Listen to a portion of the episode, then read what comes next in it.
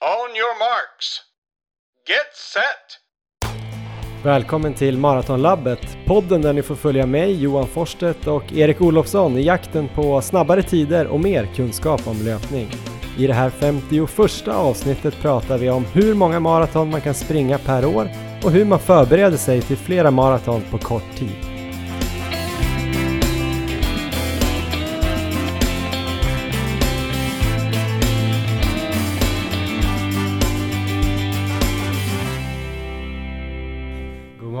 Morgon, god morgon Erik! God morgon Johan! God morgon Elmer! God Jag morgon glömde Elmer! säga, vi har med oss en gäst, en livegäst idag. Vad tycker du om löpning? Han vill bara ut och springa. Aj, det, det blev ingen succé. Han river bara micken. Vilken ligist! Ja, vi får ta en paus. Yes, sådär. Nu är jag tillbaka så har jag lämnat bort den där äh, inte så talföra gästen. Vi får hoppas att han blir en bättre löpare än poddare i framtiden. Jag tror Emma skulle ta ut honom och träna på att springa lite nu. Men äh, återigen då, hur är läget Erik? Eh, Det är jättebra Johan. Det är mycket bättre än sist. Då var jag Just det, lite- gnällde du sist eller? Ja, men jag brukar göra det ibland. Jag var ju sjuk sist och eh, det höll i sig ungefär fem dagar. Just det. Så jag fick lite extra återhämtning. Du fick ju lite eh, ris där på Instagram att du hade gnällt över att du var borta tre dagar. Just Det var det. någon som hade varit borta, jag vet inte hur länge, tre månader kanske. Så du fick inte hålla på och gnälla sådär om, om det bara var tre dagar. Men det blev fem dagar i alla fall. Så då Ja. tyckte jag det var väl okej att gnälla då. Men eh, nu är det betydligt bättre. Jag är tillbaka i full träning. Men hur eh, har du kunnat köra efter det då? Jag såg något pass du körde, någon av dina sådana här dubbeltrösklar där i Ja. Uppsala. Hur var det? Du, du sprang på löpan på morgonen tror jag och sen uh, löparbana på eftermiddagen. Ja, precis. Jag sprang på morgonen 3 kilometer, 2 kilometer, 1 kilometer. Så to- totalt 6 kilometer då med ungefär en minuts joggvila mellan intervallerna. Och det var på förmiddagen, eh, Och tröskel. då var det anaerob tröskel eller vad är det för tröskel du kör? Eller du kör den här norska tröskeln? Nej, det var nog mer anaerob tröskel, för det var ganska tufft. Den svenska tröskeln, den hårda svenska tröskeln. Ja, den svenska tröskeln, precis. Sen på eftermiddagen så gav jag mig ut på löparbana och skulle köra tröskel nummer två. Men då vart jag så laddad så det gick nog lite för fort för där kom jag upp i puls som var faktiskt högre än anaerob tröskel. Så det vart lite, om man utgår från syftet då så vart det ett litet misslyckat pass. Men jag körde fem gånger en kilometer slutade det på där men då var jag ganska nära maxpuls. Ehm, Oj. så eh, jag tror väl att det var lite beroende på att jag hade varit sjuk strax innan då. Eh, så det blev väl ett bra pass, men det blev väl inte vad jag hade planerat riktigt. Så Men hur kände du då, då dagen efter? Då? Vi brukar ju ofta snacka om att man måste träna hårt men inte så hårt så att man inte kanske kan träna de följande dagarna bra också. Så här, kunde du ändå återhämta dig eller? ja, men det kände jag ändå att jag kunde. Jag kunde köra eh, lugna distanspass då dagen efter och sen var det väl en två, tre dagar efter så kände jag mig återhämtad. Men jag läste, jag tror det var på Instagram antagligen, att du skrev att du låg nästan tio slag högre på det här passet nu än ett liknande pass i februari. Stämmer? Ja, det stämmer. Så att eh, formen har ju inte varit där i alla fall. Men nu har jag känt här på slutet, för det här var ju en dryg vecka sedan, jag körde även dubbeltröskel här igår och då var pulsen på en betydligt bättre nivå. Så eh, det, ja men det börjar, jag känner att formen kanske börjar komma ändå. Så, eh, men överlag så har det funkat bra nu, så jag har fått in, förra veckan fick jag in eh, en väldigt bra träningsvecka och den här veckan har också börjat riktigt bra. Så nu känner jag liksom för första gången på länge att jag kan träna på som jag vill. Så eh, det börjar se lite förhoppningsfullt ut inför Stockholm Marathon i alla fall. Mm. Och Kungsholmen runt också på lördag, vilket vi ska snacka mer om i slutet av avsnittet. Men det känns redan nu som att jag får verkligen hålla band på mig själv för att inte fråga vad du ska satsa på, på tian här på Kungsholmen runt. Men jag får vänta några, några minuter till innan jag får ställa den frågan. Ja, jag kommer ju definitivt vara väldigt nedtränad i alla fall till det loppet, men det ska bli kul. Hur går det själv Johan? Jo, men det har gått ganska bra fortsatt. Jag har väl sagt att det har gått bra Ja, Så jag vet inte om jag börjar håsa min egen form här, men eh, alltså det är utifrån mina förutsättningar. Jag har sprungit ehm, ja, minst sju mil varje vecka nu, ganska lång period och eh, jag har kunnat öka upp eh, volymen på mina hårda intervaller, eller hårdare halvmara intervaller och även gjort några bra långpass med fartökningar och sådär, så det känns ganska bra tycker jag. Jag tror jag sa någon gång i podden, jag tror det var när jag var i Österrike på skid-VM, att jag skulle försöka få till 60 mil i mars och april ja, för att vara redo till Kungsholmen. Jag kollade faktiskt lite snabbt häromdagen. I mars tror jag att jag misslyckades lite grann. Jag tror jag sprang 26-27 eller någonting. ja. Men sen april har jag faktiskt precis prickat 30 mil. Eh, Så det är ju bra i alla fall. Ja. Jag tror aldrig jag har sprungit 30 mil en månad förut. Eller jo, det har jag förstås inför Frankfurt. Men det har inte hänt så många gånger tidigare.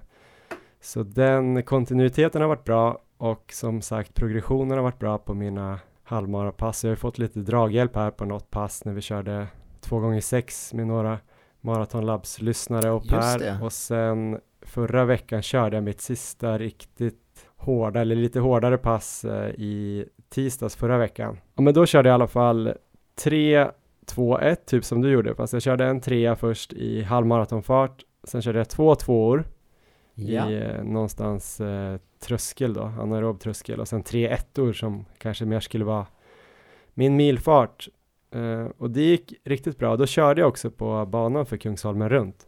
Just det. Så jag skulle känna av eh, karaktären på banan lite grann. Och eh, det kan vi väl komma in på i slutet igen där. Men det var ju väldigt eh, som väntat, väldigt olika halvor på den där första milen. Eller enda milen. Den första Ja. femman är ju helt platt och den andra femman är lite kuperad. Så, men jag körde bra där. Jag tror trean, eh, tre kilometer låg på 3.44 och sen tvåorna Ja. på 3.39 och 3.40 tror jag och sen ettorna där, tre gånger en kilometer på slutet sprang jag ju på mellan 3.31 och 3.33 tror jag. Och då var det en minuts vila mellan alla de här intervallerna. Och det är din milfart alltså. Då gör du 35 på milen nu Johan. Nej, det kör jag i 35 och 15. jag tror att det var lite snabbare än min milfart.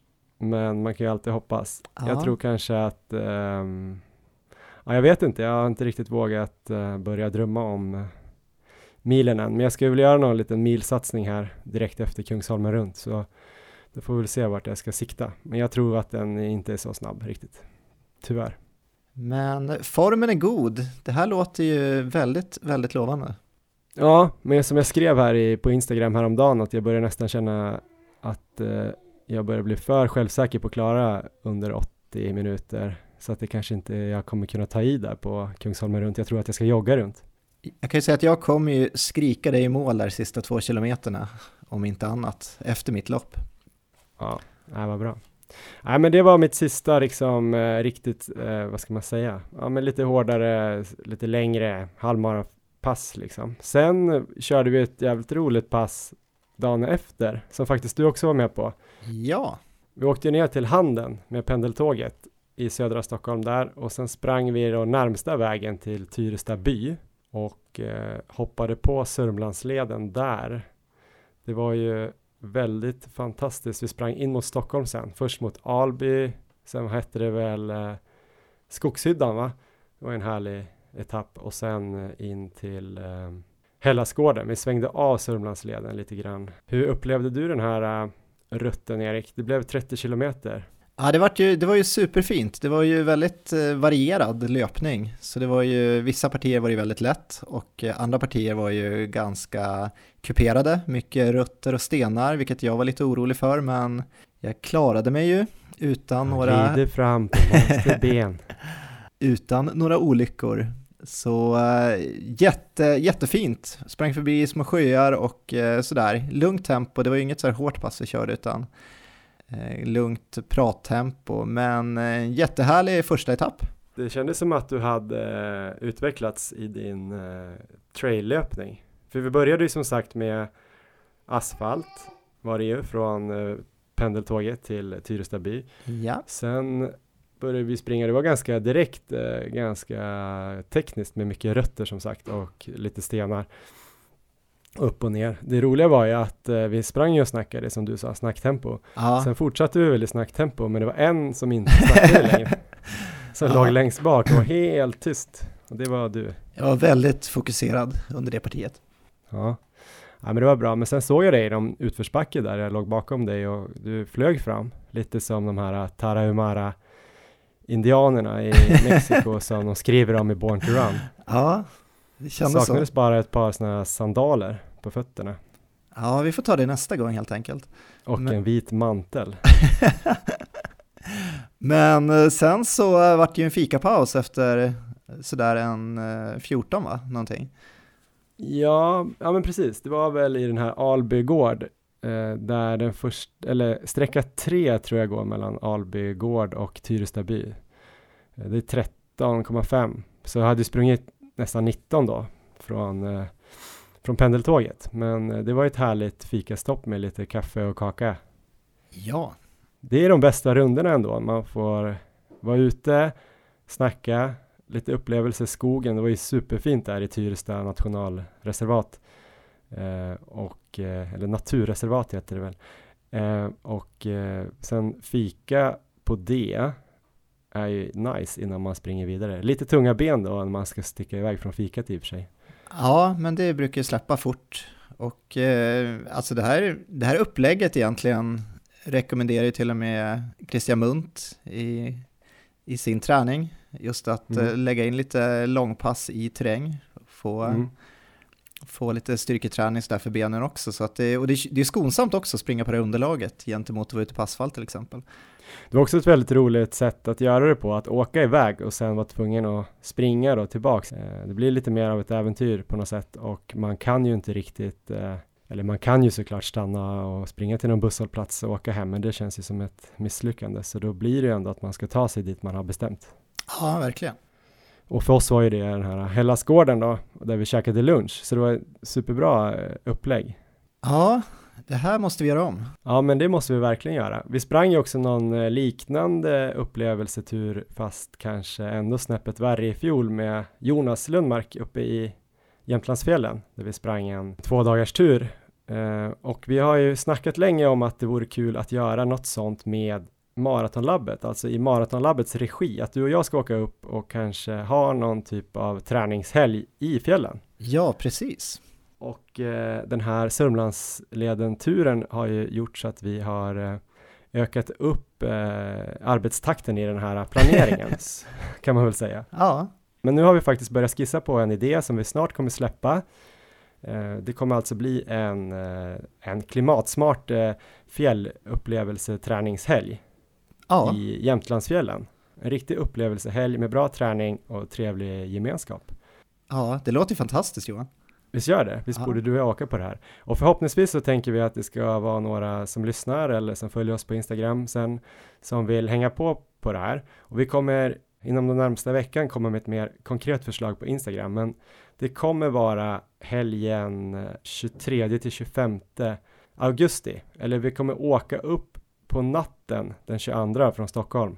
Och sen kommer det vara två nätter uppe i Vålådalen så det blir tre träningsdagar där då. Man kommer upp eh, till Åre fredag morgon är tanken och sen åker man till Vålådalen därifrån. Kör kanske två pass på fredagen. Kanske det blir eh, Blanktjärnarna.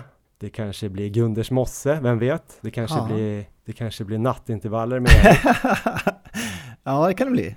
Men sen lördagen blir antagligen ett eh, lång, eh, långpass i fjällmiljö där vi springer uppe i fjällen hela dagen.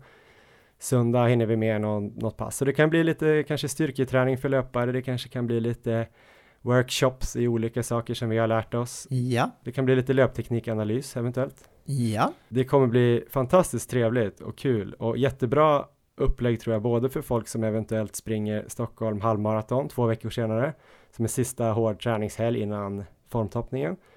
Det kan också bli ännu mer fantastiskt tror jag för de som ska springa Lidingöloppet. Det här är ju verkligen. då en eh, månad, en dryg månad innan Lidingöloppet så att eh, har man, eh, saknar man lite disciplin här i sommar och vill ha ett tufft bergpass ungefär en månad innan så tror jag kommer ligga helt perfekt. Och vi kommer väl dessutom kunna kanske dela upp oss i grupper lite efter nivå. Just det. Så det spelar egentligen ingen roll vilken nivå man är på utan det kommer kunna passa för alla. Så kortfattat kommer resan innehålla då tågresa upp, eh, två nätter i stugor, eh, mat i princip hela helgen och eh, i riktigt bra träning. Håll utkik på Instagram om ni är sugen på att anmäla er. Låter toppen Johan. Bra, men från en rolig grej till en annan rolig grej. Vi har en intervju idag också med eh, Mikaela Larsson som ju vann Stockholm Marathon i fjol. Hon sprang London Marathon för ja, tio dagar sedan är det väl nu på 2.31. Hon var bästa svenska på EM i Berlin i fjol på maraton och eh, trots att hon sprang London Marathon för bara tio dagar sedan ska hon springa Stockholm Marathon om tre och en halv vecka. Så hon har bara fem veckor mellan eh, mellan de här två marorna. Det tyckte vi var sjukt intressant för Erik har länge pratat om att vi ska göra ett avsnitt om hur många maror man kan springa och hur långt man måste ha emellan dem. Och alldeles strax kommer alltså Mikaela Larsson. Innan vi spelar upp intervjun tänkte jag bara säga att eh, vid ett tillfälle så hänvisar hon till sin tröskelfart och marafart. Hon råkar då säga 2.33 fart och 2.35 och sådär. Hon menar då 3.33 och 3.35 såklart, så det är inte hennes maratid på 2 timmar och 33 minuter utan det är alltså minuter per kilometer och 3.33. Eh, ni fattar säkert det. On your marks. Get set. Ja, välkommen igen Mikaela Larsson till Maratonlabbet. Andra gången vi får äran att intervjua dig. Hur är läget? Tack så mycket. Det känns eh, jättebra. Jag, är, eh, jag mår bra. Det är härligt. Jag håller fortfarande på att repa mig nu från eh, London Marathon som är, ja det var en vecka sedan jag sprang det loppet. Så det känns fortfarande i benen faktiskt. Ja, det gör det.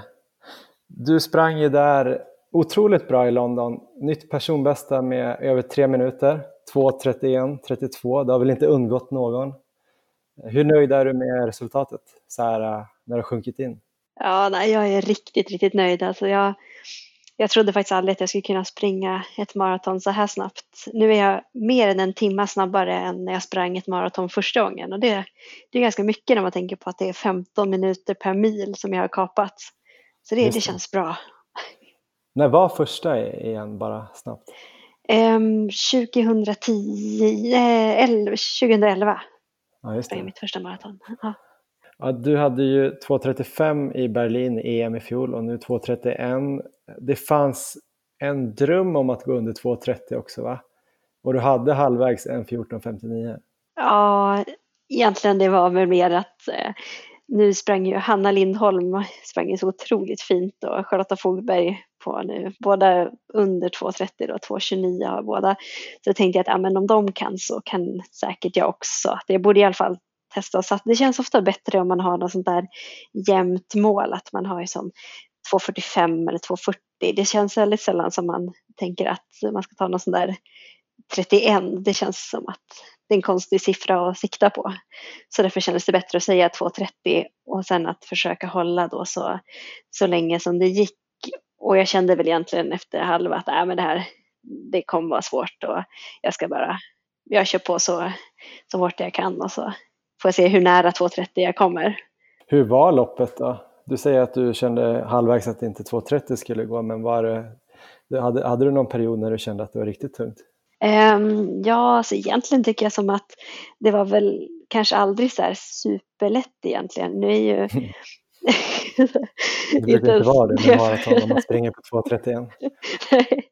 Nej, precis. För det är ju, alltså om man bara kollar på min miltid, det är ju inte så där per kilometer Eh, minut per kilometer är ju inte sådär jättemycket snabbare än då som jag tänkte hålla. Det var ju 2.33, då hade det blivit 2.30 och jag är ju bara några sekunder snabbare miltid och pers på halvmaraton är ju i princip 2.33 snitt eller ja, 2.32 så att det var egentligen helt orealistiskt att kunna klara 2.33 men eh, jag eh, tänkte att äh, vi, vi kör på. Så att jag ligger ju väldigt, väldigt nära min tröskel. Um, nu mitt totalsnitt på loppet blev 2.35 och jag har mätt upp min tröskel relativt nyligt på sådana här riktigt fina tester på Bosön med som landslaget till mm, mm. 3.32 och då ska det vara vindstilla, det ska vara nolllutning och ja, så det är ju en orealistisk tröskel. som man inte håller just heller. Och då att jag håller det, det tempot på ett maraton nästan, det är ju det är väldigt otroligt. Ja, herregud. Så du, hade, alltså, du låg alltså tre sekunder över din tröskel per kilometer Ja, 42 kilometer. ja precis. Ja, det är orimligt bra ju. Det är Kipchoge-klass. Så jag var ju nästan uppe på, jag var på min tröskel då efter en kilometer och så är det bara 42 eller 41 kvar. Så, att, ja. så det blir ju aldrig riktigt så jättelätt att springa på sin tröskel då från start. Ja, spännande. Jag tänkte, det här är ju historiskt nu då, som jag skämtade om alldeles innan vi började prata här. Det har ju faktiskt gått över en vecka och du blickar väl framåt. Eh, Jag såg ju bara några dagar efter på Instagram att det lät som att du kanske skulle springa i Stockholm. Och jag berättade det för Erik och han trodde inte på mig. Eh, För det är bara fem veckor mellan London och Stockholm Marathon. Men sen visade det sig att det är sant att du ska springa i, i Stockholm. Hur har tankarna gått kring den planeringen? Ja, nej, det är väl mer så här något galet infall som jag själv har. Nej, men Jag tycker att det är ett så, det är så härligt lopp och det var ju så roligt att vara med nu och vinna nu senast här 2018 och sen ett SM-guld 2017. Så jag känner liksom att äh, jag måste ju bara dit och det kommer kännas så tråkigt att sitta hemma och kolla på loppet på tv eller stå och heja längs med banan för då kommer jag till att jag kommer ju bara bli sugen på att hoppa in och köra så att jag tänker att äh, jag ställer mig på startlinjen och sen så får jag bara se hur det där går egentligen. Jag kommer inte få till någon vettig träning tror jag nästan alls här innan. Eh, Och jag har inte, jag sprang, joggade lite lätt idag första gången nu och det kändes Mm. ganska segt. Mm. Eh, jag kommer nog ta någon till vilodag här och det kanske blir tre, fyra mil den här veckan, bara lugnt. Du säger att det får gå lite som det går, men har du några tankar på liksom målsättning och sånt redan nu? Eller är det bara för att det är kul? Ja, det är nog bara för att det är kul. Eh, det är väl det att eh, nu är det så nära på London att jag känner fortfarande att jag har sega ben och då är det ganska svårt att som ladda om och tänka att man ska ta sig igenom den här distansen en gång till så, så nära inpå. Men jag kanske kommer ändra mig till nästa vecka när jag kanske eventuellt har kört något litet lätt tröskelpass och beroende på hur det känns och så.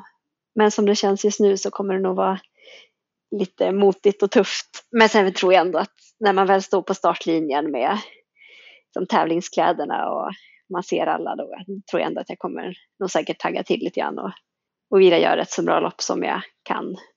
Men då kanske jag skippar klockan och bara kör lite på känsla och, och pannben. När bestämde du att du skulle springa Stockholm också? Um, ja, det har jag nog tänkt ganska länge, fast det har ju varit, hela tiden varit London nu. Eh, sen egentligen ja, november då att jag bestämde jag mig på riktigt att men det, det blir London och all träning ska bara gå upp till att försöka vara så bra som möjligt i London. Så att alla eh, tävlingar inför det var också bara som förberedelse för London. Och, eh, och jag ville inte hålla igen på London eh, i och med att jag ska göra Stockholm sen, utan det var all in London och sen så får det här liksom bli lite som det blir. Fast det är ändå okej, okay. det man kan, ja, det kan ju gå dåligt eller så kan det gå bra eller så. Men det var London som också lockade så pass mycket, för annars hade kanske den naturliga planeringen varit att springa ja, men till exempel i Sevilla med Fogberg och sen springa eh, Stockholm och sen kanske ha VM då eventuellt, tänker, tänker jag. Ja. Men jag planerar ju inte din träning. Ja, precis. Det hade nog varit lite smartare på förhand nu, för jag har hört att de har eventuellt bumpat upp prispengarna rejält det här året. Det går ryktas om det. Men Jaha. ingenting är säkert. Jag har hört lite ryktes. eh, Så att eh, då var det lite taskig timing av mig då att jag redan hade bokat flyg och hotell och allting till London och sagt siktat in mig på det. Men ja, det vet man ju aldrig innan sådär. Nej. Men du tränar fortfarande för Kent Claesson, eller? Ja, det stämmer. Vad tycker han om den här planeringen då? Är han med, med och planerar? Ja, nej, men det, han eh, tycker väl kanske inte att det är det bästa upplägget sådär. Men sen så efter Stockholm Marathon så eh, ja, då kommer ändå en period över sommaren med där det inte är nästan några lopp alls det är väl egentligen att det börjar om igen i mitten, slutet på augusti där med SM 5 och 10 000 meter och så. Så att eh, jag har ju väldigt många veckor på mig att liksom återhämta mig och, och ladda om. Där. Och sen bestämde vi som ganska snabbt också att, eller jag sa det att jag inte ville springa de här eh, SM-milen som är Stockholm 10 och långlöparnas kväll för jag tyckte att jag inte skulle hinna jobba upp liksom, fart och känna mig stark eh, så nära in på London att, eh, till de här då 10 kilometers eh, och kortare loppen. Så att jag inte riktigt skulle vara redo för dem. Eh, så att ja, då skulle jag inte ha något mål alls från egentligen då slutet av april till augusti och det är ganska lång tid också så att då var det bättre att köra Stockholm som en ja, lite rolig grej sådär och så mm ändå ett lopp. Men vi funderar lite grann i det här avsnittet om eller på hur många gånger man kan springa maraton på ett år. Det känns som mm. det vanliga, kanske både för motionärer och elit, är liksom två till tre per år. Men sen finns det ju undantag, alltså Kjell-Erik Ståhl på sin tid sprang väl 10-15 om året och den här Cavucci springer ju var och varannan vecka höll jag på att säga. Men hur tänker du kring hur många maror kan man springa, hur mycket tid behöver man för att återhämta sig och hur hårt kan man satsa på olika maror? Jag tror egentligen att man kan satsa, satsa på två per år. Det, ja. det känns rimligt tycker jag. Um, och det var ju också det jag gjorde förra året, 2018. Då var det ju som Stockholm och sen var det ju väldigt då tätt in på EM i Berlin. Men sen så valde jag då att inte ladda om och köra någonting där i november, december, mm. utan jag tyckte som att det var två stycken som jag kunde, som dels mentalt men också fysiskt, att det är ganska jobbig träning maratonträning och sådär. Det blir som en rejäl kanske urladdning och framförallt om man har sprungit bra och gjort ett personbästa då känner jag att jag liksom behöver lite tid och, och som smälta det och inte kanske boka upp någonting sådär. Men sen kan man ju slänga in kanske någon plojmara som om man hade sprungit kanske med dockmaraton och druckit lite vin eller gjort någon sån där trevlig, trevlig grej. Det, då skulle jag säga, då kan man absolut köra tre men ja, satsa på två. Men du nämnde ju där i fjol där du sprang Stockholm som var supervarm och kämpig på många sätt. Du vann där och sen var det åtta veckor till EM i Berlin där du persade, sprang 2.35, blev bästa svenska. Eh, då tyckte folk att åtta veckor var lite. Mm. Men hur tränar du då för att hitta en ny form där? Jag tror egentligen för mig så var det ju på, då jobbade jag ju som också heltid där 2018 hela året. Eh, och då är det ganska svårt att, att få in så där mycket bra träning. Men det här var en jättebra period att det var på sommaren så jag hade, jag hade ju semester då eh, flera veckor. Eh, och om man har det så har man möjlighet att liksom, vila mer och fokusera mer och köra lite bättre pass. Så det tror jag hjälpte mig väldigt mycket. Hade man tagit åtta veckor bara när det är som mest på jobbet också plus lagt på liksom, att förbereda sig för ett viktigt lopp, då hade det nog blivit lite kortslutning kanske och tror man känt det som stress. Men nu att kunna vara ledig och ja, sova lite på dagen och bara inte ha några måsten, det tror jag hjälpte väldigt mycket. Men hur la ni upp träningen då? då? Hur hittade du den här nya formen? För det gjorde du ju bevisligen.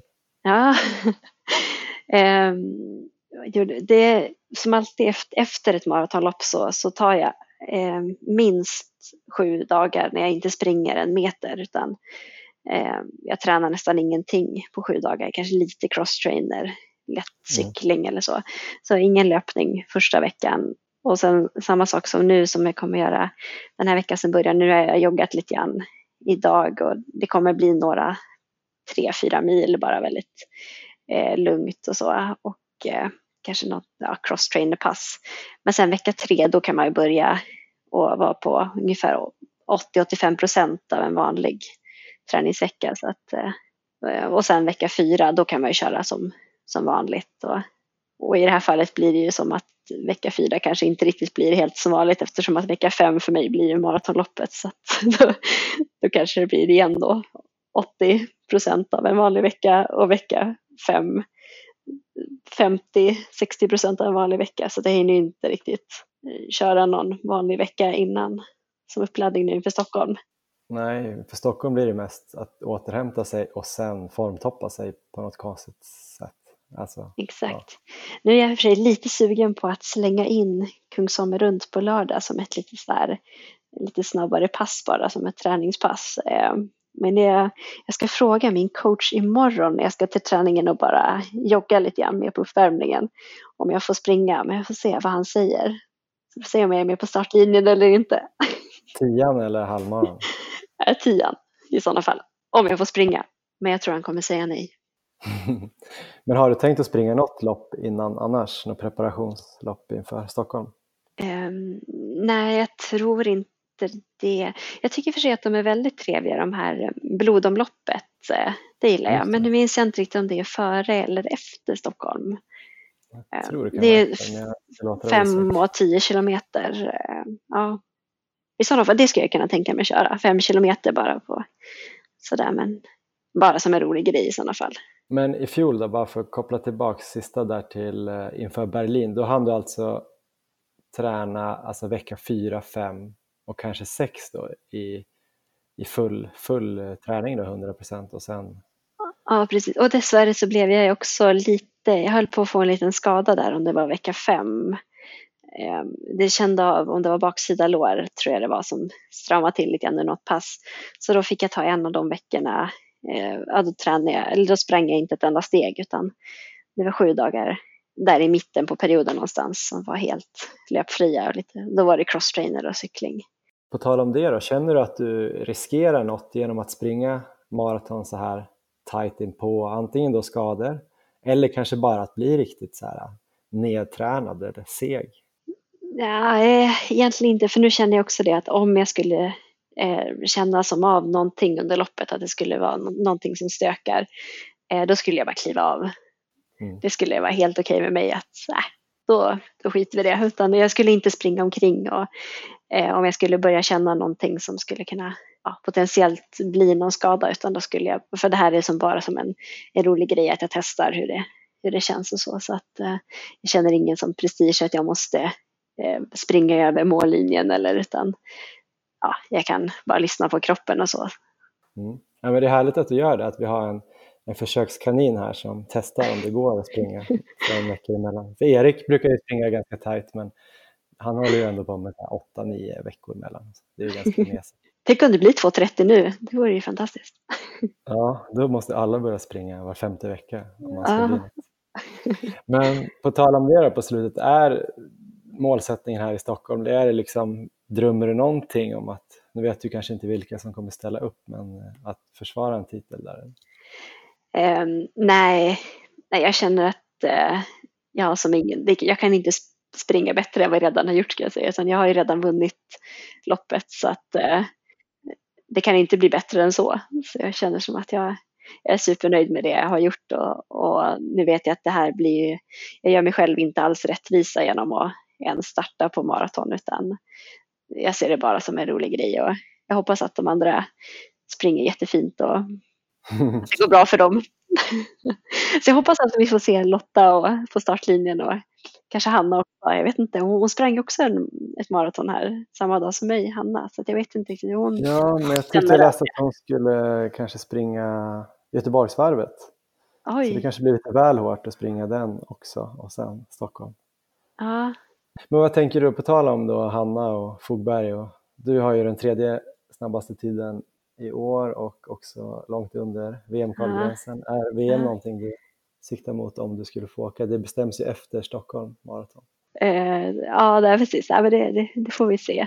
Men jag tror, bara, som på tal om oss tre, det är ju jätteroligt att vi har ju alla kört liksom olika lopp, men det är också kul om vi alla som skulle mötas samma lopp, för det känns som att vi som alla, inte bara vi tre utan flera andra som Johanna och Malin och ja, Lisa och Sissi, att vi alla på något sätt är också med och sporrar varandra och att vi hetsar på till de här som jättefina tiderna som vi ser nu på, eh, på damsidan och som också börjar komma på, här på herrsidan. Och då är det ännu mer spännande också när alla liksom möts i samma lopp och kör och det kanske man det kanske blir ännu bättre sparring eller konkurrens. Så att eh, att man får se riktigt fantastiska prestationer där.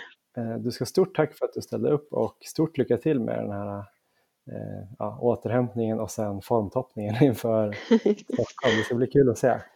Ja, tack så mycket och lycka till själv på halvmaran nu på Kungsholmen runt. Jag kommer vara där och heja Ja. eller, kanske, eller kanske springa med. Får se. Ja, just det. Du kanske kan dra mig. Ja, tack så jättemycket. Ha det bra. Tack detsamma. Hej! Ja, det där var alltså Mikaela Larsson som eh, ju har ett eh, intressant upplägg inför Stockholm Marathon. Erik Olofsson, du gillar det här va? Ja, det här var kul. Det här, det här, det här ska bli spännande att följa. Och själv då, vad tänker du om upplägget? Fem veckor mellan London och Stockholm Marathon.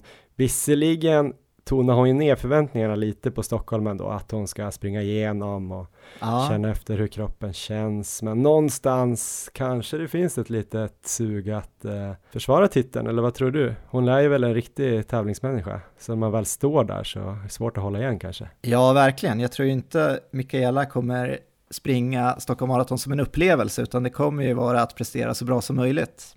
Men, eh, men det är ett jättetufft upplägg. Jag tyckte mitt upplägg här med åtta veckor är på gränsen och eh, fem veckor är ju eh, väldigt lite tid emellan. Vad tänkte du om den här? För just som du sa nu med fem veckor kontra åtta veckor. Alltså Ja. åtta veckor är ju lite, men fem veckor låter ju som det är ju ingen tid alls. Ofta så tycker jag att man får rekommendationen att, att inte träna riktigt hårt på tre veckor och sen brukar det ju vara två veckor som är formtoppningen. Det blir ju liksom ingen riktig träning kvar. Vad tror du på idén? Eh, ja, men det handlar ju egentligen bara om att återhämta sig från, från London och sen så formtoppa. Det finns ju egentligen ingen tid för någon kvalitetsvecka där. Så eh, ja, det, det är ju tufft, men alltså Mikaela är ju, är ju grym, så att kan någon klara det så är det hon. Vi har ju snackat en del om, jag tror inte vi har snackat så mycket om det i podden, men du har ju länge vetat om att du skulle ha en ganska tuff eh, ingång till Stockholm Marathon eftersom du körde Rotterdam Ja, maraton eh, i början av april och sen åtta veckor till Stockholm. Så vi har ju snackat länge om att göra ett eh, avsnitt om hur ska man kunna träna eller komma i form igen och hur många marer kanske man kan springa överhuvudtaget. Och du har läst på lite har jag förstått här under våren just för att lägga upp din egen träning. Vad har du, vad har du lärt dig? Eh, ja, men jag, har väl, jag känner väl att jag har lärt mig en hel del nu. Jag har ju kollat en del på nätet, läst en del artiklar och sådär och det finns väl, finns väl lite grann. Det finns inte jättemycket skulle jag säga ändå. Men eh, det jag har använt mig av framförallt är ju den här maratonboken jag har som heter Advanced Marathoning. Och Mm. i den boken då så finns det ett helt kapitel som handlar om multiple marathoning. Och de programmen utgår ju då ifrån att man vill prestera så bra som möjligt på sitt andra maraton. Eh, Det kan ju finnas andra orsaker att man springer flera maraton, kanske att eh, man vill springa ett maraton i månaden ett helt år till exempel, eller att man vill springa maraton nummer två som en upplevelse. Och Mm. eh, är situationen så så är det ju egentligen bara att fokusera på återhämtning efter, Mm. efter sina maraton. Men vill man då prestera så bra som möjligt, alltså få en så bra tid som möjligt på maraton nummer två, så eh, är den här boken riktigt bra tycker jag, för att de har ett träningsprogram från fyra veckor mellan marer upp till 12 veckor mellan maror. Och eh, de är gjorda då, de här programmen, för löpare som kommer upp som mest i 11 mil per vecka. Så om man då springer mer eller mindre så får man ju skala av lite eller lägga till lite volym helt enkelt. Jag har ju byggt upp mycket av eh, min träning här under de här åtta veckorna från eh, deras program då. Sen så har jag ändrat lite när det gäller kvalitetsträning och sådär efter hur jag själv hur jag själv tänker, men eh, däremot med återhämtning och volym till exempel så är- mycket taget därifrån. Men hur har det sett ut då? Det var Rotterdam var 7 april. Ja, Det har gått, eh, vad är det, fem veckor sedan dess eller? Ja nu är jag inne på, nu ska vi se, nu är jag inne på vecka fem ja, kan man säga. Så jag har haft fyra veckor efter det. Men hur har det sett ut då? Om vi börjar då med eh, återhämtning då, så eh, de här programmen säger egentligen att man ska ha minst två veckors återhämtning. Och eh, ibland så till och med kanske tre veckor eller möjligtvis fyra veckor om man skulle ha tid med det. Men eh, för mig så har det blivit tre veckors återhämtning egentligen. Första veckan så, jag började faktiskt springa, jag hade tre dagar utan någon löpning alls. Mikaela sa i intervjun till exempel att hon, eh, första veckan så körde hon ingen löpning alls. Och det, det tror jag säkert kan vara jättebra, men jag tror också det är okej att börja springa efter ett par dagar om det känns bra. I de här programmen till exempel ska man börja springa redan eh, tre dagar efter. maran. Men eh, jag tror att det man ska tänka på är mycket, liksom hur gick den första maran? Var det till exempel väldigt varmt eller blev man uttorkad, fick man kramp? Sådana där faktorer som kan, som kan liksom göra att återhämtningen tar mycket längre tid. Och eh, för mig då i Rotterdam så jag tog ut mig fullkomligt där, jag hade liksom inte en sekund till jag hade kunnat plocka. Samtidigt så kände jag ju att jag kanske inte jobbade så hårt med benen ändå på slutet eftersom att jag inte kanske var i riktig toppform. Hade jag varit i toppform då så hade jag säkert sprungit snabbare och då hade benen tagit mer stryk på slutet. Så jag kan tänka mig att den faktorn ändå gör att jag kanske återhämtar mig lite snabbare. Mm. Um, men två veckor återhämtning blev det. Första veckan sprang jag väl kanske eh, tre mil och eh, andra veckan var jag uppe på fem mil och sen tredje veckan då var jag laddad för att börja liksom träna lite hårdare men då vart jag sjuk och det kanske var lika bra för då fick jag liksom en tredje veckas återhämtning också. Men det viktigaste tror jag också under de här återhämtningsveckorna är att man försäkrar sig om att man inte springer för snabbt. Och ett bra sätt att göra det kan ju vara att eh, hålla koll på pulsen. Ett råd från den här boken är att man ska försöka ligga under 76% av sin maxpuls under de första veckorna. Och för mig då till exempel som har 185 i maxpuls så ska jag inte gå över 140. Så det har jag också tänkt på när jag har sprungit. Men efter de här äh, återhämtningsveckorna då, om man säger att man har två eller tre, men säg att du hade ju tre. Ja. Hur gick du vidare då?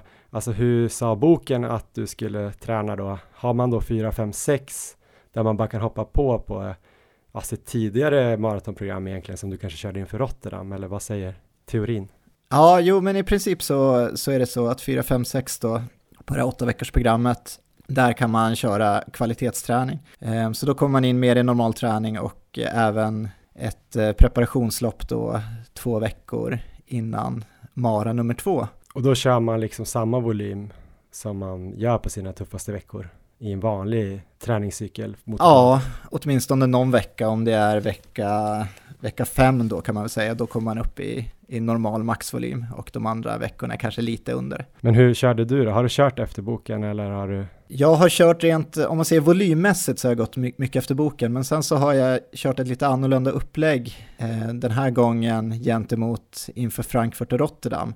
Och det är mest för att jag ser Stockholm som kanske inte ett A-mål för året, utan det ska mer bli en, det ska bli ett kul lopp att springa. Ehm, jag kommer göra mitt bästa den dagen såklart, men jag känner att jag har möjlighet här i Stockholm att testa lite nya saker som jag inte gjort förut.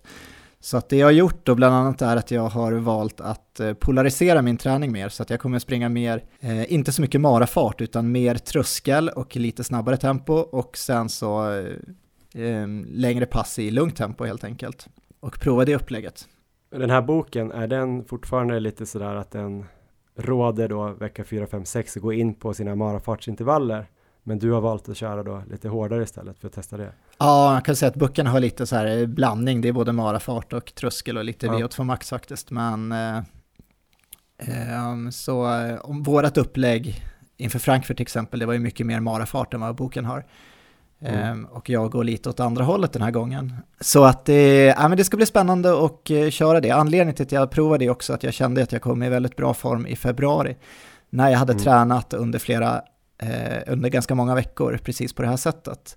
Och även då att inför både Frankfurt och Rotterdam så har inte min kropp riktigt hållit ihop för de här eh, långa intervallerna i marafart så att jag inte kunnat springa den volymen som jag egentligen har velat utan med det här upplägget så hoppas jag att jag kommer kunna springa eh, tre veckor nu med, med riktigt hög volym. Ja, det är spännande där med marafart när marafarten blir ganska hög eller den börjar komma ganska nära tröskel och så har man de här jättelånga voly eller stora volymerna på ett pass som du körde väl 5 x 5 Ja, precis. Om man då har 25 kilometer i 3.55 eh, eller vad du låg i. Det är ju ganska hårt. Det var inte så länge sedan man sprang det som ett tröskelpass. Alltså inte 5 x 5 då, men alltså ja. i den farten. Och då, det var ju typ bara för ett och ett halvt år sedan typ. Verkligen. Så det har gått ganska snabbt. Då kanske kroppen inte riktigt är redo för det. Det är ju möjligt. Ja, och det jag gjort också är ju att eh, inför tidigare mara har jag sprungit mycket på asfalt. Så de här hårda marafartsintervallerna har ju varit på asfalt. Eh, nu försöker jag undvika asfalt så mycket som möjligt så att jag springer mycket av mina fartpass på löpband eller ja, mycket, mycket inomhus och sen så springer jag mina lugna distanspass utomhus och gärna på stigar eller grusvägar. Och så här då ska du köra ganska hårt nu vecka 4, 5 och 6 då eller? Så den här veckan och en vecka till och sen ha en formtoppning eller vad? Ja, eh, jag funderar dessutom på att kanske formtoppa lite kortare så att det kanske bara blir en veckas formtoppning och jag kör fyra veckor ganska hårt. Också som ett litet test, se hur, hur det kommer fungera. Vad råder om folk i den här boken då, att lägga upp det? Då är det två veckors formtoppning på åtta veckors programmet, så att det, det kommer jag gå ifrån lite också där. Du kanske kan skriva en egen bok sen, om ditt koncept funkar. Ja, kanske kan vara något. Och eh, den sista, eller de sista grejerna jag gjort är att jag har kört mer styrketräning under den här perioden än tidigare, så att jag har försökt hålla igång med det också. Eh, vilket jag tror kommer vara bra för att, eh, för att inte dra på sig några känningar. Sen Johan, så blir det ett nytt energiupplägg i Stockholm. Jaha, du har bestämt dig för att överge Yukan. Jag kommer i alla fall i det här loppet överge Yukan. Det är möjligt att jag kommer springa på det senare igen, men i Stockholm testar jag att springa med gels istället. Spännande. Mm. Har du testat någonting än? Du har ju en historia av att eh, få upp de där gelsen eller illamående. ja, precis. Så jag har inte provat än, men jag har ju några långpass som kommer. Så då kommer jag testa i alla fall två gånger innan Stockholm. Men om man återgår till det här med planeringen då, så man kan väl säga om man har åtta veckor så är det två till tre veckors återhämtning där man trappar upp och sen kan man köra ganska hårt fram tills det är två veckor kvar. Ja. Ser det typ likadant ut om man tänker, du nämnde något 12 veckors program. Ja. Är det samma grej där då, två, tre veckors återhämtning, sen åtta veckor hårt och sen två veckors eh, eller sju, åtta veckor då, och sen två veckors formtoppning eller? 12 veckors programmet, då har man mer tid för återhämtning, så då brukar de rekommendera tre till fyra veckor faktiskt med återhämtning. Och okay. sen då har man i princip eh, nio veckor eh, att förbereda sig, så det blir lite som en så specifik period nästan som vi har kört på tidigare.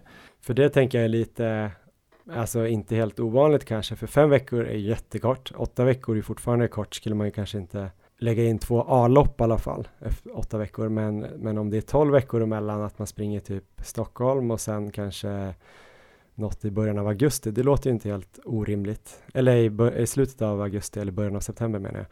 Det känns ju som att man har en sommar på sig. Ja. Då, men då kanske, kan man unna sig alltså ta det ganska lugnt i juni till exempel om man springer Stockholm och sen kör man juli, augusti som en specifik period typ. Ja, precis. Och det är nog ver verkligen viktigt att man fokuserar på återhämtningen, för det är ju risk att man drar på sig sådana seghet i benen. Man har ju läst mycket om det, att även om det känns bra så eh, börjar man träna för hårt för snabbt så kan man dra på sig någon slags seghet tydligen som kan sitta i väldigt länge.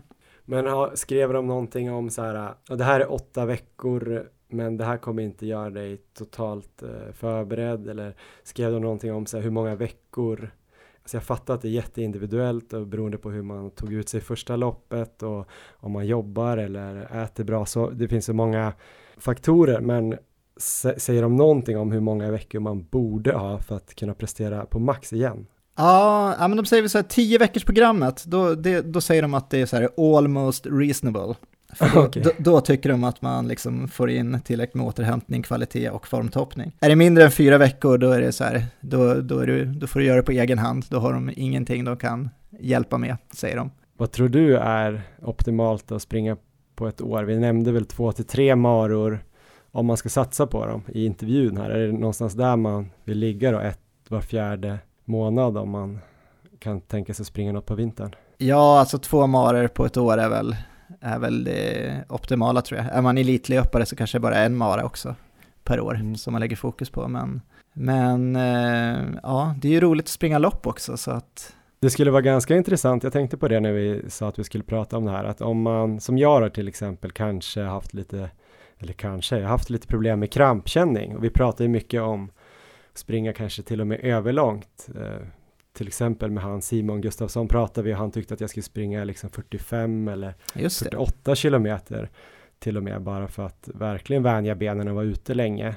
Vissa har ju tyckt att det räcker att vara ute ungefär den tiden jag ska tävla på och att den totala mängden ska göra att mina ben ska vänja sig. Men om man tänker sig att som i fjol då till Frankfurt, det hade varit ganska intressant att springa en mara liksom kanske var sjätte vecka eller någonting fast man inte går all in. Att man kanske ja. lägger sig på typ så här 85-90 procent. Ja. Och kanske att man hade gjort det nu sprang jag i Stockholm som reporter och det var jättevarmt, men säg att det hade varit lite bättre väder, att jag hade sprungit kanske runt 3.20 där och sen kanske haft någonting i augusti som jag hade sprungit ner mot 3.10, 3.15 och bara liksom successivt eh, öka där utan att vara helt död liksom. Ja, Vad tror du om det upplägget? Det tror jag är jättebra. Det är, det är en jättebra poäng att eh, det, då, då blir det ju en helt annan sak med återhämtning och så vidare. Så att eh, med det upplägget, om man kan då ha en mara där man inte går all in utan att man springer det kanske lite mer som upplevelse eller träning helt enkelt, då, då blir ju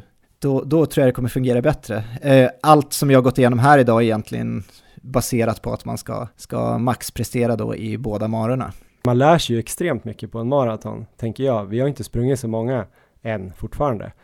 Det känns ju som man lär sig saker med ja, nutrition eller ja. taktik eller ja, vad som helst eh, varje gång man springer. Det tänker jag nu. Jag har egentligen som jag ska träna eh, som ska springa Kungsholmen nu och sen varvet och sen ska vill han springa Berlin maraton. Just det. Han ska springa i Stockholm också, men då har vi inte tänkt att han ska gå, han är inte riktigt där än, att han, han inte kanske riktigt den volymen än att kunna gå för riktigt bra tid där, men han kommer springa och det kommer ju vara extremt viktigt för honom att, att få det loppet som ett bra långpass till exempel. Ja. Nu är det så långt innan Berlin så det är inget problem så, men jag menar bara just, jag tror att det är extremt lärorikt att ha gjort en mara, för det är hans första mara ja, men bara få i sig gällen, vad ska man ha på sig, vart får man skavsår, sådana där sjuka grejer ja, är ju bra att kunna. Så man lär sig extremt mycket. Kanske ska tävla mer? Ja, ja men det tror jag också bra, bra upplägg här att uh, lägga in lite preparationslopp inför. Och på tal om preparationslopp och tävlingar som också är A-lopp. Ja. Imorgon när det här släpps så är det ju ett eh, ett lopp här i Stockholm som heter Kungsholmen runt. Som är ett preparationslopp för dig inför Stockholm Marathon. Stämmer. Eh, och ett A-lopp för mig. Det är mitt stora mål här för våren att jag ska springa under 1.20. Hur känns det för dig inför eh, Kungsholmen? Nu får jag äntligen ställa den här frågan som jag ställa i början av programmet. För att eh, du vill ju gå för pers har jag sett, men vad, vad tror du på och drömmer om? Ja, det är jättesvårt att säga. Jag har ju sagt, eh, alltså mitt mål för 2019 på milen är ju att springa sub 35. Det tror jag inte jag är redo för här. Min form har inte varit något bra på slutet och jag kommer komma väldigt nedtränad till det här loppet. Jag sprang eh, drygt 13 mil förra veckan och jag kommer nog ligga på något liknande den här veckan. Men jag hoppas ändå, alltså mitt pers är ju på 36.48 så det, det hoppas jag kunna ta och sen så eh, får jag hoppas att det blir med så stor marginal som möjligt helt enkelt. Har du någon tanke på hur du ska gå ut då? Alltså, du, du har ju kanske en historia av att inte kunna hålla igen i början. nu är det väldigt platt i början och du kanske ändå har det där sub 35 som någon liten eh, idé någonstans i bakhuvudet. Ja, jag ska väl, jag gissar att första kilometern kommer jag ändå försöka lägga mig någonstans närheten av 3.30 tempo och kolla pulsen, se om den eh, känns kontrollerad och om känslan känns bra, då kanske jag ändå kommer försöka ligga i 3.30 tempo under de första kilometrarna. Eh, så får vi se, se hur det känns sen när det börjar bli när det börjar bli jobbigare och börjar kanske gå lite uppför också och se hur, hur jag håller ihop det. Det kan vara roligt kanske om man nu ska ut och kolla på Kungsholmen runt imorgon här i Stockholm, eh, lördag. Starten för 10 km loppet går 11, så någon gång där runt 20 över 11 kan man ju sätta sig på någon sån här picknickstol med lite popcorn i slutet av banan. Eh, någonstans vid Kristineberg kanske, där det börjar gå lite uppför. Där kan det vara kul att stå och kolla på dig då.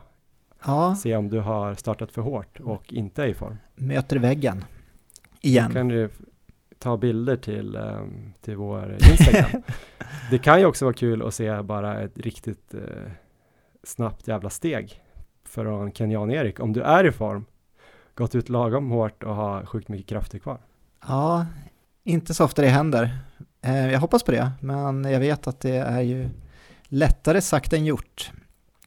Men nu Johan tycker jag vi går över till, det, till A-målet. Din, din tävlingspremiär 2019. Är det det? Ja, men det får jag säga att det är. Ja, det kanske vi kan säga. Jag har sprungit lite orienteringstävlingar faktiskt, men det är väl det första loppet här då. Det är det ju faktiskt. Jag har ju tänkt att köra preparationslopp, alltså någon tia eller någon, någon sådär, men det har inte blivit av. Så det är ju kanske det enda orosmolnet momentet att jag inte riktigt har fått in några tävlingar. För det kan ju ändå shape upp formen lite extra tänker jag. Ja, Men eh, jag fått till mycket bra träningspass ändå och hoppas att det ska räcka. Jag har känt mig i rätt bra form. Jag har inte så mycket att klaga på när det gäller träningen. jag har ju hört några rykten här också inför. Är det så att du har, du har till och med ordnat farthållare till Kungsholmen? Det verkar så. Det var ju en kille, Kristoffer Lås tror jag han heter. Snabb jävel. Jag tror han har gjort, eh, jag tror han har gjort 1.09 kanske på halvmaraton. Ja, Och ner, ner mot 30, i alla fall 31, 32 någonstans på milen. Han skrev ju på vår Instagram och frågade om vi skulle springa på sub 80 och han ska tydligen vara någon sorts inofficiell hare där för någon annan. Så jag ska se om jag kan leta upp honom i starten och kanske ligga lite i hans rygg där i början. Ehm, jag fick honom också ändra sin plan kanske, att springa lite fortare första fem och sen springa den här andra femman då på varvet lite långsammare, så kanske börja 3.45 fart och sen går jag väl lite mer och låter oss ligga i 3.50 fart när det börjar det backiga börjar liksom. just det. Och sen kanske då gå över på 3.45 igen mellan 10 och 15 och Ja. sen att man får ligga 3.50 mellan 15 och 20 och sen är väl sista kilometern ish ganska mycket. Den är lite knixig men den känns som att den är utför och platt så att eh, ja, har man en kilometer kvar och är på fortfarande i, i linje att ta målet så tror jag man fixar det. Proffsigt upplägg. Har du några tips som jag borde tänka på? Eh, ja men alltså, nu när du har, om du nu har farthållare så är det väl egentligen bara att försöka, försöka ligga med där fram till eh, 15 kilometer och sen så, så får du se hur kroppen känns, så kan du ju släppa lös där. Och sen så vill jag se dig in i den mörka zonen sista kilometern. Som slugga, att se riktigt så här mjölksyrastinn ut och bara tappa all teknik och veva, eller? Ja, precis så. Och eh, ja, men det här kommer gå riktigt bra. Ja, men det ska bli väldigt kul. Men man, jag har varit ganska så här äh, lugn länge, att jag har känt så här, ja ja, eh, det är lite mer det här med halvmaraton och det är lite lättare att träna till, tänker jag. Om man känner att jag är i bra form så jag har bra, bra möjligheter. Och det känns som att ja, om jag skulle missa så kommer det nya chanser på ett annat sätt än Frankfurt. Det var ju så himla stort att vi skulle springa under sub 3, alltså Ja, det var inte stort för mänskligheten, men det var ju stort för podden och för oss, att man hade byggt upp det länge och lagt ner väldigt mycket tid och ja, noggrannhet. Nu känns det mer som att det har varit lite mer, det har inte varit samma press på något sätt. Även om jag kommer vara missnöjd om jag inte klarar 1.20 så har det ändå varit lite mer avslappnat fram till det här loppet och jag känner nu bara att kul att komma in i en bra form. Sen kan man ju ha en dålig dag på lördag. Eh, Men det finns ju stora möjligheter att jag har en bra dag känner jag. Ehm, och om du skulle gissa själv nu Johan, vad, vad får du för sluttid på lördag? Oj, väldigt bra fråga. En 19, 17 tror jag. Ja, grymt. Du då? Ehm, ja, jag tror på, jag tror på en 1858 för dig. Oj, ja men jag tror att eh, det som är möjligt, alltså teoretiskt kanske är mellan en 18.30 ja, till en 21.30 då. Ja. Men eh, allt över 1.20 tänker jag ju såklart inte på. Men det är ändå tre minuter jag ska kapa från i fjol. Så det är ganska mycket på de här nivåerna ändå. Det börjar bli ganska snabbt. Ja, Men jag tror att ehm, ja, möjligheten att göra 1.19 finns nog där. Kanske, som det känns nu. Men sen kan jag få äta upp det i nästa podd. Men pers är ju alltid godkänt på något sätt, så pers ska jag ju fixa. Vad tror du själv att du kommer springa på? Ehm, det är, alltså det känns jättesvårt. Någon, någonstans mellan eh, 34, 59 eh, till 37 tror jag. Det kan Mm. vara lite allt möjligt däremellan. Um, ja, ri- rimligt är väl kanske 36 blankt skulle jag tro. Med, med på tanke på att jag kommer vara nedtränad och att formen inte har varit så bra. Så att eh, ja, jag lägger mig där mitt emellan. Jag skulle vilja gissa under 35, men du har liksom sänkt lite förväntningarna. Ja, Så då gissar jag på 35, eh, 48. Exakt en minut snabbare än PB. just det. Det vore ju helt okej känner jag. Det är inte bara vi som ska gissa på de här tiderna. Vi har ju också en eh, liten tävling tillsammans med KFS Kungsholmen runt. Ni ska också få gissa på våra resultat om ni vill och det kommer ni göra på ett Instagram-inlägg som vi har lagt upp igår torsdag. Så alltså torsdag den 9 maj kommer vi ha lagt upp ett eh, Instagram-inlägg med den här tävlingen och det som eh, den här tävlingen går ut på är alltså att man ska gissa på Eriks tid, eh, vad han springer 10 km på Kungsholmen runt. Och sen ska man också gissa på min tid, vad jag springer på halvmaran, om man vill. Den som kommer närmast Eriks tid kommer vinna en startplats i den här eh, långlöparnas kväll den 25 juni. Så är det ett årligt lopp som brukar gå på stadion. I år går det på Enskede IP. Eh, det är då 10 000 meter på bana. 25-varvsfrossa kallas det också för. Väldigt bra möjlighet att eh, ta ett riktigt fint pers på milen.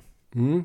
Så det är alltså priset om man gissar eh, rätt på Eriks tid, eller den som kommer närmast Eriks tid. Den som gissar närmast min tid i den här, på det här Instagram-inlägget i kommentarerna kommer att vinna en startplats till nästa års Kungsholmen runt, antingen 10K eller 21K. Så det blir en rolig tävling, så gå in och tävla då med eh, eh Kungsholmen runt och Maratonlabbet i våran Instagram, Maratonlabbet.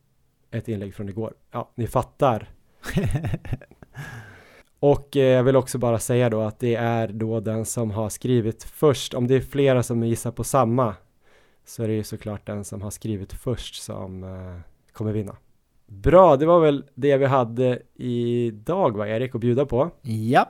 Men innan vi slutar kanske vi också ska påminna om dels att vi finns då på Instagram, vilket vi just sa, Maratonlabbet och även på Strava där våran träning läggs upp. På Kungsholmen runt får ni gärna komma ut och heja på oss. Vi kommer väl köra i vallinnet och alpakalinnet eller? Självklart. Vi tänkte också bara påminna om den här äh, fjällresan vi pratade om i början av programmet. I nästa vecka kommer vi lägga upp mer information om den här resan på vår Instagram där vi kommer i alla fall åka som vi sa nattåg den 22, torsdag den 22 upp till Åre. Sen träna då fredag, lördag, söndag, åka tillbaks med tåget på söndag eftermiddag så man är tillbaks i Stockholm eh, vid tio tiden tror jag på söndag kväll. Det blir en riktigt härlig helg och det är såklart om man inte bor i Stockholm eller bor norrut så kan man ju såklart hoppa på det här tåget eller komma kanske dit själv. Det får vi väl se, men vi kommer skriva mer information om det här så gå gärna in och titta om ni var intresserade. Det kommer ju bli svinroligt, eller vad säger du Erik? Verkligen, det ser vi fram emot. Så tack för att ni har lyssnat det här avsnittet. Eh, det är kul att det är så många som följer oss och lyssnar. Det växer hela tiden. Eh, det är väl roligt Erik?